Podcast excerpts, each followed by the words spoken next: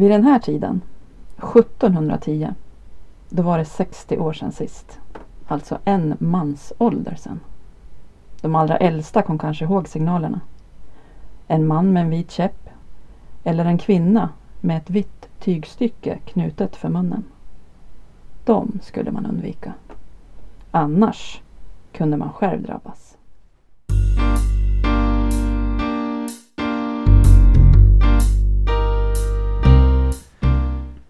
Hej och välkomna till Riksarkivets podd Dokumenten berättar som spelas in i vår studio i Landsarkivet i Östersund. Jag heter Martin Ahlström och jag är arkivarie här. Och med mig idag i studion har jag Mia Nilsson, arkivpedagog här på Landsarkivet. Hej! Hej!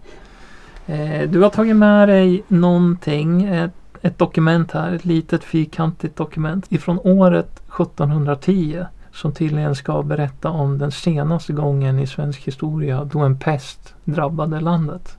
Ja, precis.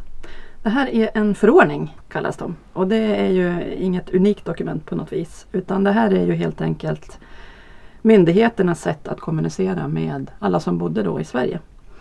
Så sådana här skickades ut regelbundet och kunde handla om allt möjligt. Det är alltså regler och lagar kan man säga. Ja. Och just den här då handlar om hur man ska få stopp på den här pesten som man nu ser har eh, börjat sprida sig. Så det är ett reglemente kan man säga. Hade det varit idag så hade sådana här eh, regler skickats ut av Folkhälsomyndigheten och Anders Tegnell kanske. Ja, precis. Det kan man absolut säga. Vart eh, lastes de här upp? Ja, de här skickades ut till lokala myndigheter. Så att eh, ofta så var det prästen i de olika församlingarna som skulle läsa upp de här i kyrkan då i samband med gudstjänsten. För då var ju alla samlade. På, just på söndagen. Och den vi ska prata lite extra om idag då heter som följande. Du kanske kan läsa du som är duktig på äldre handstilar. Ja, det här är ju en sån här tryckt frakturstil så det är inte helt lätt att läsa. Men det står så här. Förordning till hämmande av den beklagliga farsoten som på några orter i riket sig redan inritat och förmenes allt mer och mer sig utvidga. Given Arboga 18 november 1710. Så att den har några år på nacken. Det är alltså senaste gången då som det var ett stort pestutbrott i Sverige. Texten är något torr i tonen men eh, det går ju ganska bra att förstå svenska trots att den är från 1710. Eh, men vad var det egentligen som hade hänt som gjorde att de behövde skicka ut den här förordningen? Ja, alltså det, det är ju helt enkelt att eh, pesten har kommit till Stockholm. Redan i juni så dyker det upp ett skepp och det här skeppet kommer från Pernau i dåvarande Livland som eh, låg, ja det var en del av Estland och en del av Lettland. Eh, och det här skeppet eh, det fick ligga i karantän när det kom in i Stockholms hamn. Hur länge fick det ligga i karantän? Det fick ligga i karantän i 40 dagar och Ja. det var beroende på att man hade hört pestrykten att det skulle förekomma pest ute i Europa. För där var det ju otroligt oroligt eftersom krig pågick. Och kungen är ju inte hemma vid den här tiden. Han, han är ju ute i Europa och krigar som bäst. Han har ju förlorat vid Poltava för Mm. inte allt för länge sedan. Och hans syster är någon slags kastellan eller borgmästare för Stockholms stad. Ja, och de som har skrivit den här eh, förordningen är ju alltså inte kungen utan det är riksråden som har skrivit den här. Och skickat ut den i kungens frånvaro då får man ju lov att säga. Mm. Så trots att det står kunglig majt Mm. som betyder kunglig majestäts Mm. förordning så är det inte hans ord. Nej, utan det är de här riksråden som har knopat ihop den här helt enkelt. Ja. Men det som hände med den här båten då som kom, den, den skulle ju alltså ligga då i 40 dagars karantän. Men eh, på något vis så är det nog någon som har smitit i land. Och det har Det- man liksom kunnat se så här efterhand att den personen tar alltså med sig smittan in i Stockholm. För tanken var ju med de här 40 dagarna att då skulle de som eventuellt var sjuka hinna få sjukdomen och hinna dö då. Antingen då eller tillfriskna. Men inte den här gången utan någon smet i land. Och tar med sig smittan in i Stockholm. Och under sommaren här puttrar det väl på lite grann kanske. Att det, det är ganska diffusa symptom på pest så att det, det är inte helt enkelt vare sig för den som blir sjuk eller för myndigheterna att förstå att det faktiskt är pest. För att det kan vara så här huvudvärk, feber, ont i kroppen sådär som man kan ha när man har influensa eller var förkyld. Så Mm. det är inte så lätt att förstå att det faktiskt är pest man har. Nej, och med tanke på dryck och kostvanorna på den här tiden så var det nog inte ovanligt att man vaknade på morgonen och kände sig lite febrig och halvsur eller nere Precis. eller snuvig. Precis. Det kanske inte var så lätt att, upptäcka att man hade någon väldigt smittosam sjukdom. Nej, och sen var det ju väldigt många olika typer av sjukdomar som grasserade också. Så det, det är klart att, eh, att man ville ju helst inte heller att det skulle vara pest eftersom den var så smittsam. Så att eh, myndigheterna var nog att de avfärdade det här som pest var kanske dels det men också att man inte ville skapa panik. Och sen var det också så att det var väldigt länge sedan man hade haft pest i Sverige. Det var drygt 60 år tillbaka i tiden. Så det kan ju också vara så att, att man faktiskt inte riktigt visste symptom och annat. Och kanske också faktiskt inte ville säga att det var pest. För det var ju kanske inte det man ville ha i stan. Men ändå så är man ju ganska reaktiv och skickar ut förordningar och varnar eh, landet i allmänhet om den här pesten som har fått fäste i Stockholm. Ja. som. Precis, så här, den här förordningen då från 1710 det är ju helt enkelt ett regelverk som kickar in kan man säga när, när smittan väl är här nu. Då. Vad, vad ska vi göra nu? Hur, Ja. hur ska vi ta oss an den här? Och precis som att Sverige har ett regelverk som går igång så har ju även grannländerna det. För att den här pesten är ju inte enbart i Sverige utan eh, Danmark drabbas också ganska hårt. Men Norge, Norge de klarar sig för att det de gör direkt är att stänga gränsen. Dessutom, om det är någon som försöker ta sig in över den här gränsen, då är det skottpengar på den. Så Ja. det är fritt fram att skjuta de som försöker smita in från Sverige till exempel. Då. Just det. Och de norrmän som bor för nära den svenska gränsen de beordras att flytta längre in i landet. Så att, eh, på så sätt så klarade sig ju Norge den här gången. Då.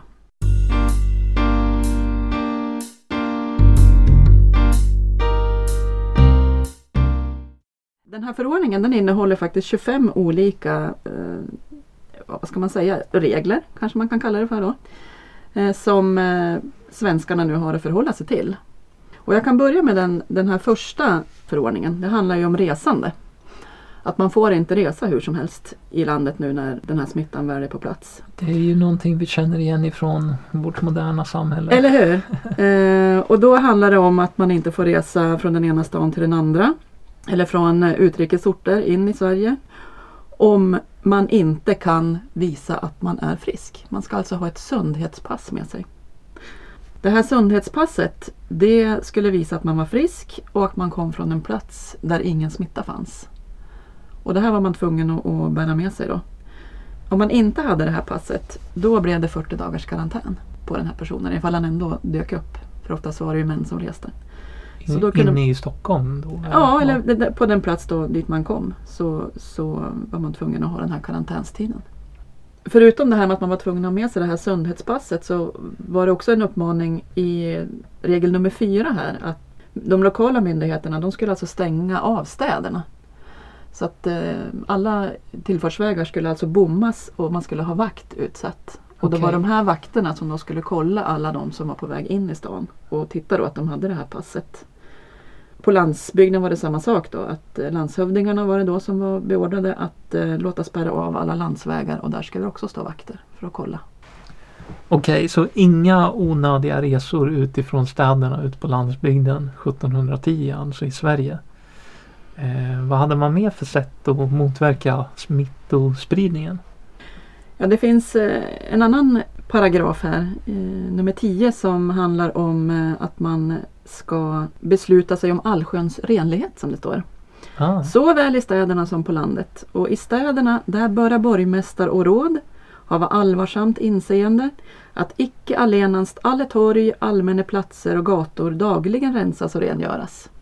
Så här är det att man helt enkelt ska mm, se till att det inte sprids via eh, avfall. Helt enkelt. Som man då oftast bara slängde ut på, på gator utanför sitt hus. Men även på landet så ska man eh, göra rent varje dag. Allt efter dess lägenhet och husskaffenhet som det står. Så att eh, man ska helt enkelt städa och röja undan det som man anser är eh, orenlighet. Då.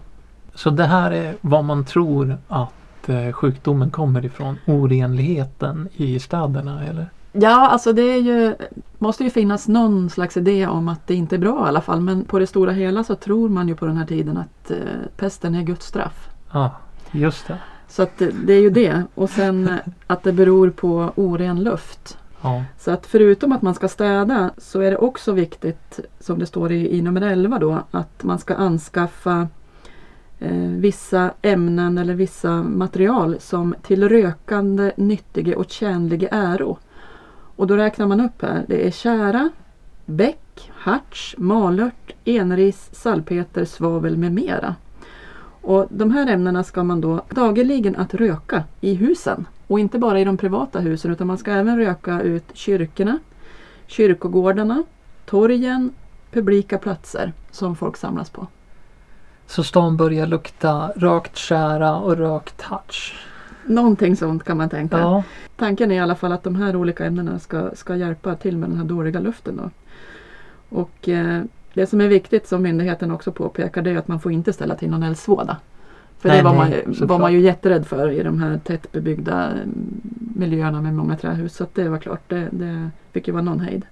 Ja, och vem som var satt att göra det här eh, rent praktiskt det framgår ju inte utan det här fick ju lokala myndigheter då se till att det, att det sköttes. Något annat som jag tycker är lite fascinerande i det här regelverket det är posten faktiskt. Det finns också med väldigt detaljerat hur den ska hanteras. På den här tiden då var det ju postgång enligt vissa sträckor och är man ute på landet då är det ju bönder som eh, har det här uppdraget och det är ju helt enkelt så att man rider mellan varandra Mm. med postväskan som en stafettpinne kan man säga. Just det. Och eh, här finns det väldigt detaljerat då beskrivet hur den här posten ska hanteras. För att då står det så här då att hela väskan som sedan vid dess öppning alla där ute i lagda påsar samt därpå även så särskilt alla brev. Och då kommer de här malört, salpeter, svavel, hartsbäck, enris och så vidare. De ska användas även här för att röka då, av de här breven och väskan och alltihopa. För att man då inte ska dra med sig någon onödig smitta då, mellan platserna som den här väskan då eh, färdas. Och förutom att man ska röka så ska man dessutom då doppa de här breven i ättika. Okay. Och det var inte lätt för den här postmästaren. Han, han hade ju liksom dels sitt vanliga bonde, mm, liksom sysslorna som bonde men dessutom skulle han hantera den här posten och nu var det ju som ytterligare en pålaga då som ska göras. Och gjorde han inte det där då var det väldigt dryga böter. Och de här böterna dyker upp eh, om man då bryter mot de här eh, reglerna. Till exempel om man då försöker smita igenom in i stan fastän man vet att man måste passera den här gränsvakten till exempel. Eller man försöker smita genom skogen istället för att gå på allfartsvägen. Mm. Blir man påkommen då, då är det också höga böter. Just det. Och även ifall man som gästgivare tar in en, en person att bo över utan det här sundhetspasset. Så det, det är väldigt mycket dryga böter verkligen som eh, kan utgå ifall man missköter sig. Jag har lite svårt att köpa hela den här grejen med att breven skulle vara Guds vrede. Men okej, Ja, kör på. ja. Rök ur postväskorna. Det skadar ju aldrig att vara nog försiktig. Precis, och, och någon slags idé ändå om, om att det kunde spridas via brev måste man ju ändå ha haft då. Även om man eh, inte förstod riktigt hur den här smittan spreds Nej. på den här tiden. Frågan är bara hur. Ja, precis.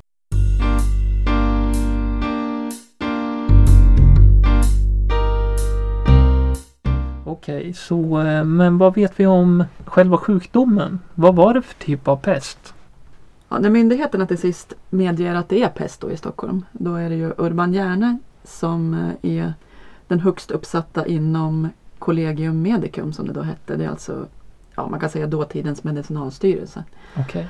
Det är han som uttalar sig och han säger då att alla tre pesterna härjar i Stockholm. Vilka är det? Ja, och vilka är det då? Jo, men då är det helt enkelt böldpest. Och det var ju den som man kanske hade störst möjlighet att överleva. Ja. För sen fanns även blodpest och lungpest och där var det nästan 100% dödlighet. Och har man då alla tre i stan då förstår man ju att då blir det ju katastrof helt enkelt. Det vi vet idag om pesten det är ju att det är en bakterie. Så att idag är det ju antibiotika som hjälper mot eh, pest och eh, förmodligen också att det var lössen som eh, var då de stora smittspridarna via råttor då. Som Ja. var väldigt vanligt förekommande i stan. Så att eh, det vet vi idag men det visste man ju inte då. Andra djur som man var fundersam på däremot det var ju grisarna som vid den här tiden oftast bara gick lösa. Ah, De skulle man i städerna nu eh, hålla instängda på någon avsides ort som det står. Alltså man skulle samla ihop alla grisar och så hålla dem inhägnade för att de inte skulle gå omkring fritt. Och så står det också i nummer 10 här, sammaledes och hundar och katter avskaffa, särdeles ute i de städer som är besmittade, eftersom de lätteligen kunna bringa någon smitto i husen. Så att hundar och katter antog man att de var verkligen smittbärare, de skulle man se upp med. Så att man sköt helt enkelt bort alla hundar och katter. Jag tänkte säga det, intressant ordbruk där. Mm. Hundar och katter avskaffas. Mm, precis, inte orda... Ja. precis. Ja. Eh, man kan ju tänka också katterna som säkert var råttfångare och så försvinner alla katter och så är det Ja. råttorna som kommer med smittan. Så att det kanske var kontraproduktivt istället för någonting annat. Det gjorde saken ännu värre. Så, Så att det, det vara. blev fler och fler råttor. Mm, Speciellt eftersom den här pesten sprider sig under en längre tid också. Kanske Precis. några generationer råttor. Och så får de vara ostörda och föröka sig. precis, precis. Och detsamma gäller väl för lopporna då. Som, Som- trivs väldigt bra på de här råttorna. Ja, Mm. Kan tilläggas. Ja, precis. Okej, så det är många som blir sjuka i städerna i Sverige. Främst i Stockholm. Eh, och det tar ett tag innan man dör av den här pesten. Vilken pest det nu än är man får av de här tre, det är oklart. Eh, hur var livet för dem under tiden som de var sjuka? Vad hade man för vård? Ja, det står lite specificerat här hur det borde gå till i alla fall. Sen är det ju svårt att veta hur praxis var. Speciellt när det var hundratals som dog varje dygn i Stockholm periodvis. Så det, det är klart att det vart säkert kaos ganska snabbt. Men idén från myndigheterna det är att de här sjuka de ska flyttas från där de är till en plats där man då kan isoleras. Och där ska det finnas mer personal, typ då, alltså vårdare som det står i, i den här paragraf 13. Oj, Och de eh, ska då ta hand om de här sjuka eh, personerna. Och ifall de här som är sjuka ska röra sig utomhus, då ska de märkas upp för att man ska se, de som är friska ska kunna hålla sig på avstånd. Och då är det så att ifall man är man, då ska man gå omkring med en vit käpp som signal då att jag är pestsmittad, håller på avstånd. Och som kvinna då ska man gå med ett vitt kläde knutet runt munnen som det står. Och det är Ah. då signaler till medmänniskorna runt omkring att här är det sjukdom på gång. Och även de här husen där, där det då vårdas sjuka eller ifall man då väljer att behålla dem hemma, det är säkert ganska olika. Men de husen i alla fall ska, ska märkas upp med ett vitt kors. Och det här känner man ju igen från långt tillbaka i tiden att man märkte upp husen med vita kors. Mm, Och det är också en signal, kom inte in här. Här är Nej. det sjukdom. precis. Mm. Här finns det fara. Mm. Eh, och angående fara, vad fruktansvärt det ska ha varit att vara vårdare till de här. Precis. Jag skulle vilja se eh, statistiken på hur många det är som blev sjuka av dem. Ja. I sin tur. Och det är ju jättesvårt att veta eh, om det var ens någon som överlevde. Eh, eftersom det var så oerhört smittsamt. Farligt yrke. Verkligen. Och det som kan sägas också, det är också det som står specificerat i den här förordningen att de här böterna som det pratas om i, i de olika paragraferna som eh, man ska ta ut ifall någon missköter sig. De ska alltså gå till vården av de här sjuka. Ja. Så att man tänker så att det liksom blir ett slutet system i det här. att Böter som kommer in för att någon bryter mot de här reglerna eh, när det gäller den här smittan, de ska då användas för de sjukas vård och uppehälle och begravning. Om det är så att det går så illa. Då. ja, just det. Någonting annat som, som var viktigt i den här, eh, det här regelverket och det är ju anmälningsplikten. Och det är helt enkelt att får man smittan i sitt hus då är man skyldig att meddela sina grannar. Och det handlar ju också om att eh, dels att man då ska hindra medmänniskorna från att komma och hälsa på en och kanske få, ja, bli smittad då. Mm. Men tanken var också att grannarna i sin tur skulle föra meddelandet vidare till, i det här fallet då kyrkoherden. Som i sin tur meddelar vidare till myndigheter. Så att eh, man genom någon slags stafett ska myndigheterna få reda på då, vart finns smittan, hur många är sjuka och eh, vad kan vi göra för dem. Och sen så har prästen också i sin uppgift att meddela vid gudstjänsten. Där ska hela församlingen få reda på vilka gårdar finns det smittade i, vart ska vi hålla oss undan ifrån. Och hela den här stafettgången förutser ju att eh, någon är frisk som kan föra meddelandet vidare. Så det måste ha varit jättesvårt att få en fullskalig bild över läget i landet kanske. Ja, och det, det är ju, kan man ju gå till kyrkoarkiven bara för att se också hur, hur kaosartat det är på många platser. Att på viss, I vissa församlingar så slutar man föra död och begravningsbok under den här tiden för att det är så otroligt många som dör så man hinner Ja. inte med. Nej. Eh, och går man in och tittar så ser man att det är ju otroligt många personer som förs in varje dag eh, under den här perioden. Hur många är det som dör då? I, har du någon information om Stockholm? Ja, Stockholm räknar man med att ungefär 40 procent av befolkningen dör. Och Oj. den siffran är ganska osäker för att det är ju också så att krigen pågår ju eh, i Europa och det är ganska många flyktingar som har kommit österifrån och som bor utanför Stockholm. Så att Ah, där förs nog ingen riktig statistik utan den är ganska osäker den här siffran. Men man har uppskattat den till ungefär 40 procent, så 22 000 människor på en ganska kort tid. Det är ju under den här hösten som det pågår 1710 då och klingar av lite grann fram i februari, mars 1711. Men sen så det sprider sig vidare så den pågår ju alltså ända fram till 1713. mm, just det. Ja, det är en jättekatastrof det här för Sverige. Ja, verkligen. Och en eh, ganska bortglömd sådan också. Även om det har skrivits om den. Men det är ju inte någonting som man läser om i skolan till exempel. Alls. Nej, det är det ju inte. Mm. Jag kan inte komma ihåg att jag har läst om det. det Men- ja. Å andra sidan så läser man ju inte så mycket om spanska sjukan heller. Lite mer idag kanske än vad vi gjorde när vi gick i skolan. Det är ju sant ja. Mm. ja. Nej, jag kan bara komma ihåg att vi pratade om eh, stora nordiska kriget. Och så var det lite eh, teorier om vem det egentligen var som sköt eh, Karl XII. Och Mm. tänker man Poltava då till exempel som vi var inne på tidigare. Då var det ju fler som dog i den här pestepidemin än som dog i slaget vid Poltava. Så det är ju, Ja. ja, man kan ju jämföra katastrofer så. En oerhörd mängd dödsoffer. Eh, sett till det totala invånarantalet. Ja, och den här rädslan kan jag tänka mig också. Ja. Som man hade. Eh, och speciellt ifall man då plötsligt har en anhörig, nära anhörig i samma hushåll som då blir sjuk. Ja. Rädslan att själv bli sjuk men också plikten att, att vårda varandra. Det måste ha varit jättesvårt. Fruktansvärt. Mm. Och jag kan tänka mig att det fanns döda i stort sett överallt i Stockholm under den här tiden. Ja, det finns ju Eh. beskrivningar på hur, hur lik bara bärs ut och får ligga på gatan i flera dygn innan det är någon som, som kommer och plockar rätt på dem. Det fanns ju alltså ansvariga för det här att, att gå runt och, och plocka lik och köra då till, till kyrkogården. Och på de här så rör det sig loppor ut i husen i närheten då. Som sprider smittan. Precis. Så att det, det förstod man ju också att man måste ju ta hand om de här eh, döda också. Och det finns också beskrivet i den här förordningen att ifall man då hittar en person till exempel på landsvägen som man inte vet vem det är. Då ska man inte ens bemöda sig att ta den till någon kyrkogård utan den ska grävas ner på plats. Med alla kläder och alla saker som den har med sig djupt ner i jorden som det står beskrivet. Oj. Det förstår inte vi idag. Mm. Men på den här tiden så är det ju ett fruktansvärt öde. Att inte bli begravd i vigd jord, ja.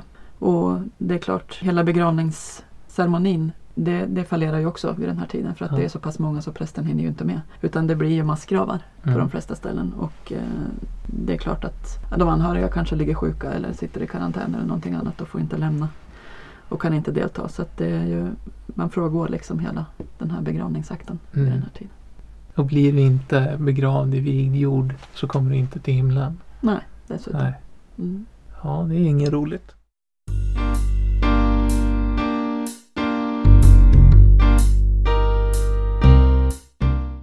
Så när man skickade ut den här förordningen som vi har framför oss här på bordet. Hur var läget i Sverige i stort under eh, november månad 1710? Ja, i Stockholm var ju läget katastrofartat. Man var ju mitt uppe i det värsta kan man säga. Med hundratals dödsoffer varje vecka. Så att det var ju fullt upp att bara försöka ta hand om alla sjuka och alla döda. Ja. Och problemet var ju också att smittan hade redan hunnit spridas vidare söderut. Så att eh, även Kalmar har, har fått smitta. Och sen vet vi ju då att den sprids ju vidare där söderut. Norrland klarar sig ganska bra. Mm. Den når kuststäderna och det är väl, kan man tänka, de är skepp som, som går längs kusten. Men eh, Inlandet klarar sig. Inlandet klarar sig Ja, och, och som jag sa tidigare, Norge klarar sig också helt. ja just det. Mm. Men även andra länder som Danmark och Köpenhamn, de råkar ju också riktigt illa ut. Så Mm. det, det var en väldigt svår omgång och svår eh, pestsmitta detta. Eh, och den pågår ju alltså i, i tre år. Just det. Mm. Mitt under stora nordiska kriget. Dessutom. Ja. Eh, det brukar ju vara så att farsoter kommer tillsammans med krig. Ja, Tyvärr. ja, det kan vi ju se på spanska sjukan till exempel som ett senare exempel också. Ja. Som pågår samtidigt som, som första världskriget. Så det, det kanske hör till Mm. sakens natur. Okej, så det här är alltså ett dokument ifrån den tiden då vi hade vår sista stora farsot i Sverige. Och när det gäller pesten. När det gäller pester. Mm. Eh, virusepidemier är ju en annan sak. Mm. Pester som sprids av ohyra i samhället och i Mm. hemmet. Mm. Eh, tror du att man lärde sig någonting av den här pestepidemin? Jag skulle säga man har ju redan någonting på gång här i den här förordningen. Alltså man pratar om det här med social distansering, man pratar om att man måste rengöra gator och torg, Ja. man måste ha koll på sina husdjur, att de inte springer omkring. Så det finns ju en hel del bra saker redan i förordningen. Sen Mm. vet vi också att efter det här så, så blev man ju bättre på sin personliga hygien också. Sen tog det ju lång tid innan det hade spritt sig i hela samhället. Men man började ju till exempel att tvätta hela kroppen mer regelbundet Mm. och sådana saker. Eh, Byta kläder också. Precis, och tvätta sina kläder och så. Sen är det ju också så att eh, det var ju svartråttan som eh, levde väldigt nära människorna som spred den här smittan. Ja. Och de konkurrerades ut av den bruna råttan som då är lite mer distanserad till människor. Så det är också en teori att när den börjar försvinna så försvinner också pesten. För det här var alltså den sista stora omgången i Sverige och sen under 1700-talet så försvinner pesten från Europa. Just det. Mm. Mm. Ja. Så det tog ett tag men till slut så försvann böldpest, blodpest och lungpest. Ja, Och det gisslet. ska vi vara tacksamma för. Absolut. Idag har vi antibiotika så vi, den finns ju kvar fortfarande i världen men vi har ju medicinerna. Ja. Och eh, de här förordningarna då, de här små pamfletterna med diverse regler och förhållningar till allmänheten. Oftast då skriven av Kunglig Majestät eller Riksrådet. Kan man få ta del av dem förutom i poddform så här? Ja, just eh, förordningarna som vi har här på Landsarkivet i Östersund de ingår i vårt bibliotek. Men som sagt, de här är ju allmänt förekommande så att eh, jag kan tänka mig att man söker i Libris så Ja, kan man hitta igen dem. Och besöker man arkiv och bibliotek så har de flesta, kanske inte kompletta serier men åtminstone att man kan titta på och fingra lite på dem. För de är just det. otroligt mycket historisk information i de här. Det är ju en skatt Mm. av eh, information. Verkligen. Bland annat så står det om Gustav IIIs mord i de här. Ja. Eh, det står om slaget vid Narva. Inrättande av folkskola, inrättande av sockenstämma. Det är Ja. väldigt mycket olika information som man kan hitta. Förordningarna var ju också en slags nyheter som man läste upp i kyrkan. Mm. Så att här finns det ju i stort sett samhället beskrivet Mm. genom historiens gång. Mm. Ja. ja men eh, tack eh, Mia Nilsson för att du ville komma hit och prata om eh, förordningar och eh, pesten. Den sista stora pesten i svensk historia Mm. 1710. Tack själv. Ja, tack.